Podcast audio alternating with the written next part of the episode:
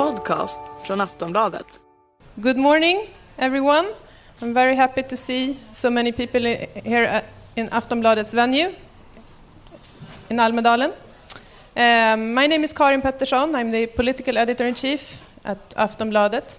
That means I run the editorial page. And uh, but I know that you're not here to uh, listen to me.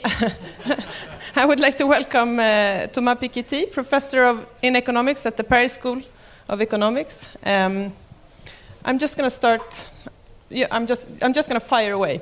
Um, you have been hailed as a rock star economist. Journalists love you, and your book sold out on Amazon. Why has it had such an impact? Well, I, I don't know. I think it's a readable book. You know, I think it's a it's a book. Uh, it's a it's a book about money, which is an issue everybody cares about, and it's it gives uh, I think to people a lot of. Uh, historical uh, material on an issue on which you know people have strong opinions but very little evidence so at least uh, you know it's not the book is not going to put an end to our violent uh, political fight about inequality but at least people will uh, know a bit more uh, what they are fighting about, and you know they will uh, be able to have a more uh, you know informed uh, political conversation about these issues and. And so, yeah, I'm, I'm, you know, the book is a bit long, and, and, I, and I'm sorry about this, but I think it's really readable. You know, it's a story of income and wealth in over 20 countries across two centuries, uh, you know, including Sweden, of course. And this is based on the, the largest uh, historical database on income and wealth inequality ever collected. And this was collected by several dozen uh, scholars from many countries, and and and you know, and and this is really a collective research project. And I try to show that uh, the story of money is not only an economic history. You know, it, it is full of uh, uh, political forces, social forces, uh, cultural representations of inequality, in particular in the literature, in movies. You know, are an, an important part of the story I tell in the book because ultimately the dynamics of uh, uh, inequality, you know, really depend on this representation that people have of inequality, and so. Yes, these issues are too important to be left uh, to economists, and I guess the success of the book uh, reflects the fact that there's a big appetite for, uh, uh, you know, knowledge about these issues, and you know, people want to uh, to have their own opinion and not to let, let this to a you know small group of uh, of experts and, and specialists. So. Yeah, I'm looking forward that the book, you know, will come in Swedish uh, this fall and in German and in in, in many uh, uh, language in, in Europe and in China and across the world, so that you know people can can actually read it if they want. As you say, your uh, your book is long. It's about 600 pages long. Um, but I would ask, I would like to ask you to do the impossible for our listeners here and uh, and viewers, namely summarize your findings in a few sentences. Well, yeah. So when you have 20 countries over, you know, two centuries, you know, there cannot be only one lesson. You know, there, there are different evolutions, different contradictory forces. So, you know, there are very powerful forces that can push in the direction of uh, reducing inequality. So, in particular, the, you know, the diffusion of knowledge the diffusion of skills and education can be a very powerful force that reduces inequality. And we see that uh, both uh, uh, between countries, you know, with emerging countries catching up with, uh, with more developed countries. And, and sometimes this can also work within countries but this requires sufficiently uh, inclusive uh, educational institutions and social institutions. So you need to have, uh, you know, uh, broad segments of the population accessing the right skills, the right education, you know, if you want this force to operate. The other important finding of the book is that even if this uh, uh, mass uh, education investment uh, operates uh, the way it should, that might not be sufficient uh, to prevent rising inequality. So I guess the, the book um, looks in particular at uh, two forces that can lead to the rise of inequality. One is the very large rise of very top managerial compensation, which sometimes really has little to do with uh, uh, uh, education or performance or productivity.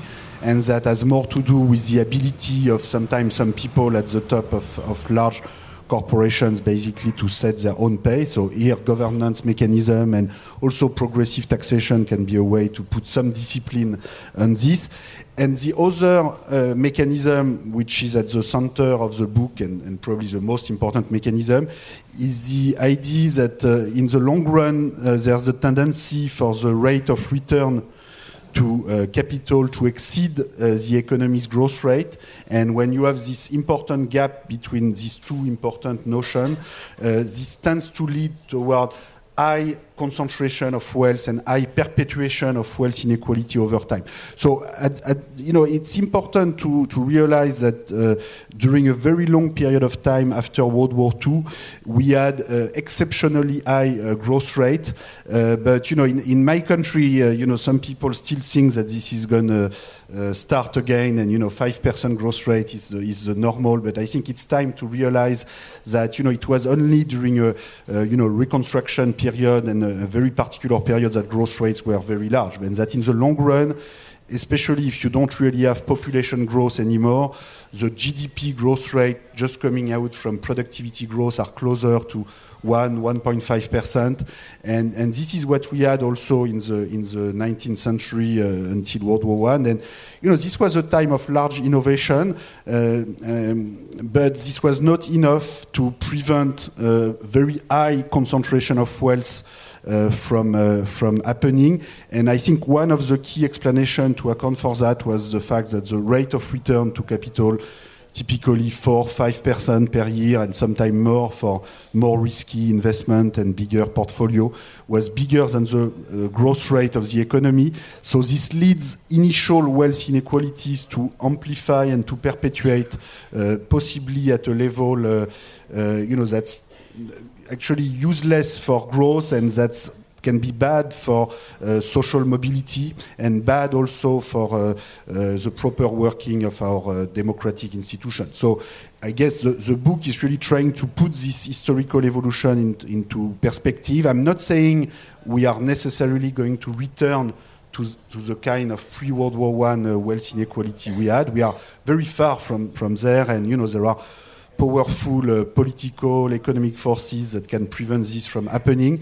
But you know, we should be careful, and we should all be aware that during the 20th century, it is really a very uh, unusual combination of shocks uh, World War I, the Great Depression, World War II, the welfare state, the progressive tax system that were put in place after those shocks that led to a reduction in inequality.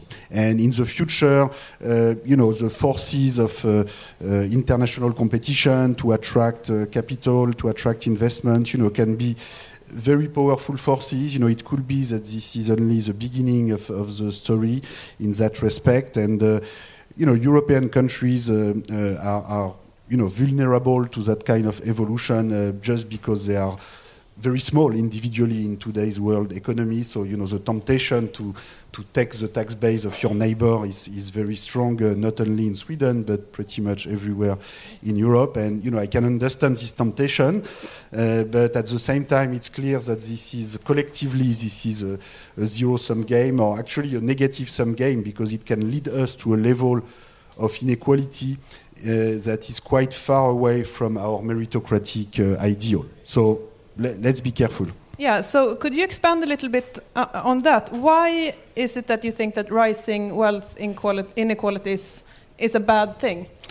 Well, inequality is not necessarily a bad thing per se, it's all a matter of degree. So, you know, the problem is when inequality gets too extreme. So, if you take let, let uh, you know the data we have on, on wealth dynamics uh, for the very recent period is, is very imperfect. You know, particularly I would say in a country like Sweden, where because you don't have a wealth tax anymore, you have no data on wealth. So it's we don't know that well, you know, what's happening. But if you take, you know, the very top of the wealth distribution not only in Sweden but you know at the world level, what you observe is that very top wealth holders, uh, you know, are rising. Uh, three to four times faster than average wealth or average income in the world. So, you know, if you take the Forbes uh, rankings and you take a fixed fraction of the world population, what you find is that the average wealth since uh, 1987, uh, which is when Forbes uh, started their ranking, until 2013, has increased uh, at,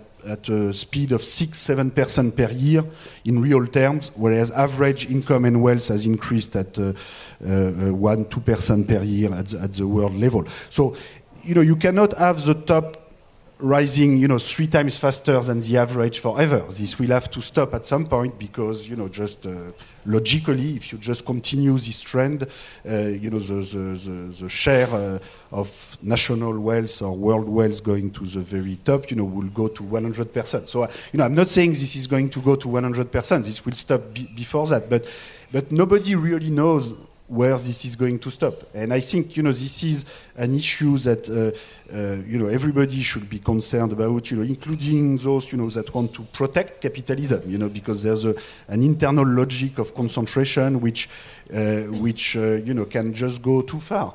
So you know, market competition and, and capitalism at, at uh, can be very good at producing uh, uh, powerful innovations and economic growth, but they have no limits. They have no, you know, they, so they need to be, you know, you need democratic institutions to sort of uh, control this and make sure that this doesn't go too far. So, would you say that your argument on uh, the perils of rising wealth inequality is it mainly uh, about the functioning of the economy, or is it an ideological ar argument about justice?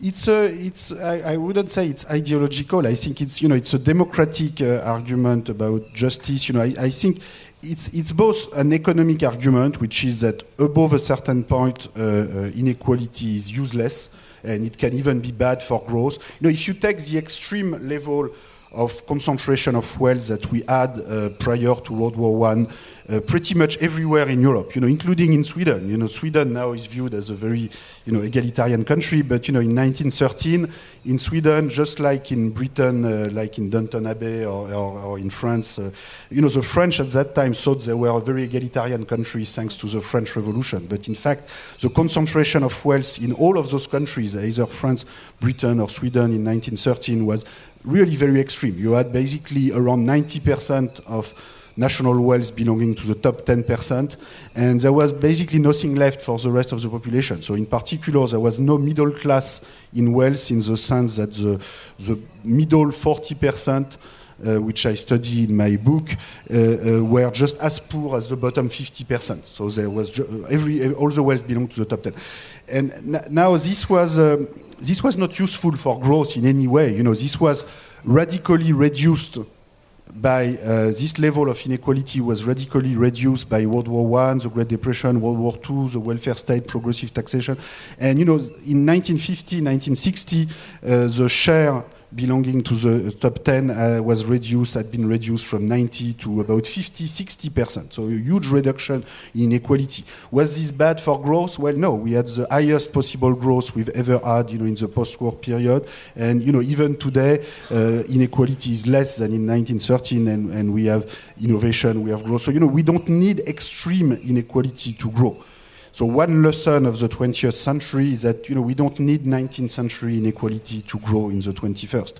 So uh, we, we you know, it's an economic argument, and it's also a political and democratic argument, which is that, uh, uh, you know, for democracy to function, you don't want uh, unequal access uh, of, uh, you know, political influence, political voice that gets too extreme.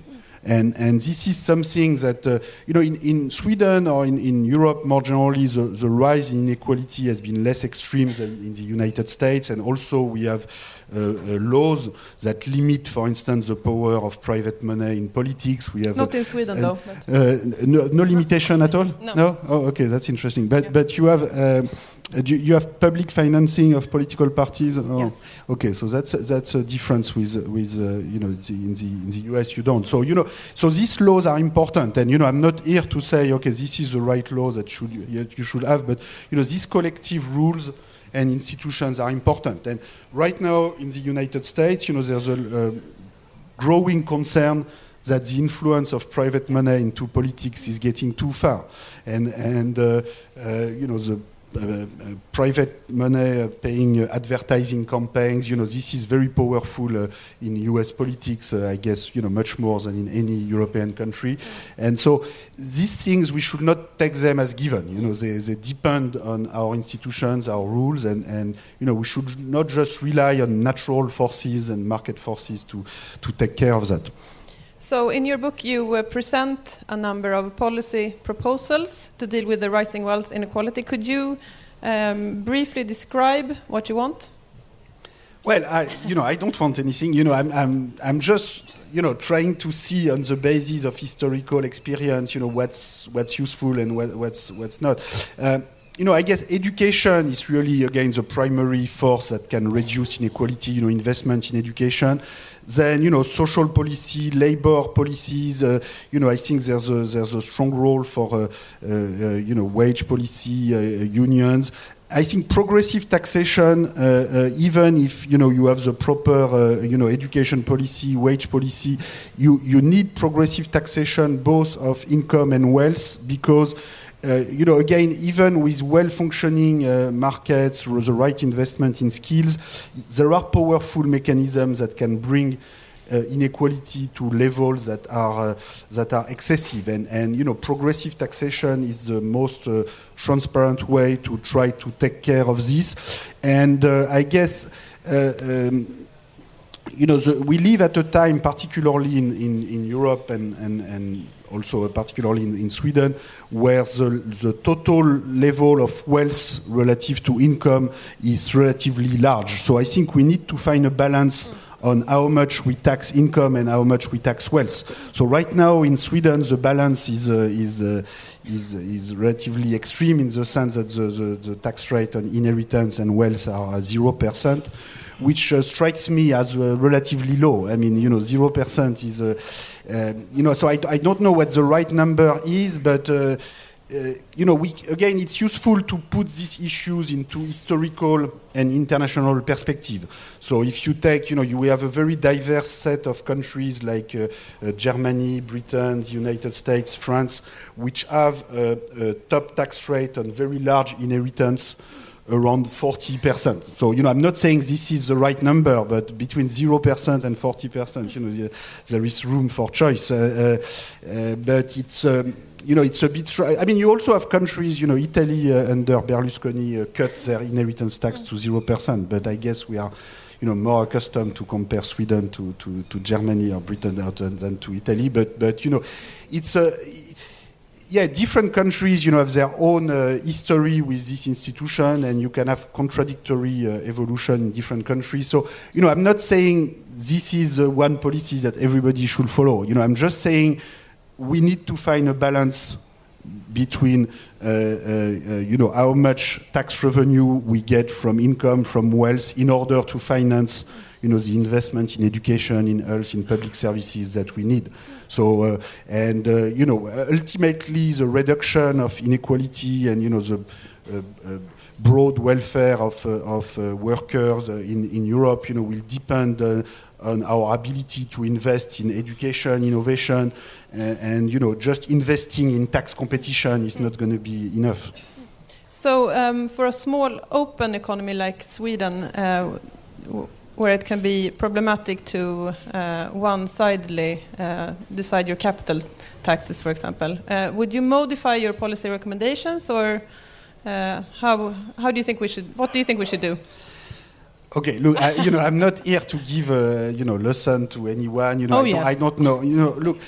I, you know, every European country is a small country, you know, not only Sweden. So, you know, France and Germany, you know, are almost as small as Sweden as compared to the size of the world economy. So I think, you know, these forces of tax competition, you know, are operating in everywhere in Europe. And, and I can see, you know, the, the the, you know, the problem for you know, national governments, and I, I understand the temptation just to go uh, uh, further uh, in this direction of tax competition and trying to attract the tax base of your neighbor. And you know, the, I understand the, the, logic of the game, at the same time, you know, I think uh, uh, first, you know, you don't need to go all the way to zero percent. You know, zero percent again is very very small. So so uh, you know, even with a small country, you know, I don't think that because you are a 10 million uh, inhabitant country as opposed to 60 million, you know, the, the, the tax rate on inheritance has to go to zero percent. You know, I think it's a, uh, I think it's a particular set of political circumstances and historical circumstances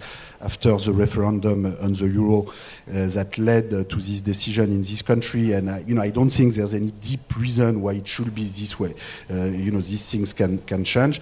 Now, uh, it is true that if we want to have uh, you know, an ideal policy or get closer to an ideal policy in Europe, you know, we definitely need uh, more fiscal cooperation. And, you know, I am very much in favor of, uh, you know, stronger political uh, union and, and, and, fiscal union uh, in Europe, or at least within the eurozone, and you know, if possible, uh, uh, with 28 countries, and you know, if it's not possible, with a smaller number of countries, uh, so as to have you know more cooperation. You know, I think it's very difficult to explain, uh, you know, normal people that they need to make effort if they feel that, uh, you know, large multinational corporations or uh, large wealth holders, you know, pay less tax than they do and, and, less tax than small or medium-sized businesses. So I think.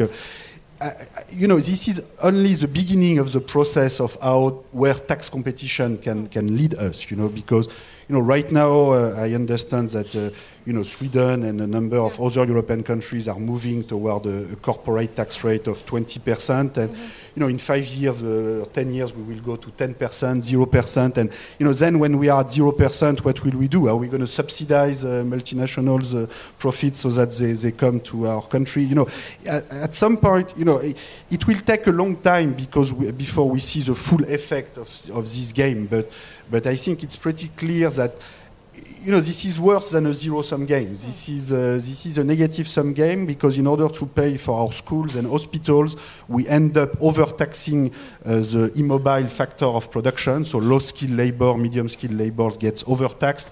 Uh, and at the end of the day, this is... Um, uh, you know, this is creating a lot of, uh, of uh, low employment and low wages uh, uh, in, in Europe. So, you know, the, yes, these forces uh, can, can be quite dangerous. And and uh, you know, each country can can try to to, to uh, on its own to, to do what they can. And again, you know, the zero percent tax rate is very small. But ultimately, uh, you know, I think Sweden could contribute to uh, the uh, international movement in the direction of more financial transparency, more automatic transmission of information. Uh, uh, you know, we are going to have this treaty between the United States and the European Union uh, next year, and you know, I think Sweden, like other European countries, and you know, the European Parliament could push in the direction of putting more fiscal cooperation into this treaty. You know, if it's only a treaty about trade liberalization, you know, I think it's not going to be um, a, a balanced approach to globalization. You know, I think you need to have globalization, you need to have free trade, but you need to make sure that the people like large multinational corporations that are making uh, uh, large profits out of globalization do pay tax somewhere. And so, you know, we are going to put uh, half of the world GDP around the table. You know, the United States is a quarter of world GDP. The European Union is another quarter of world GDP.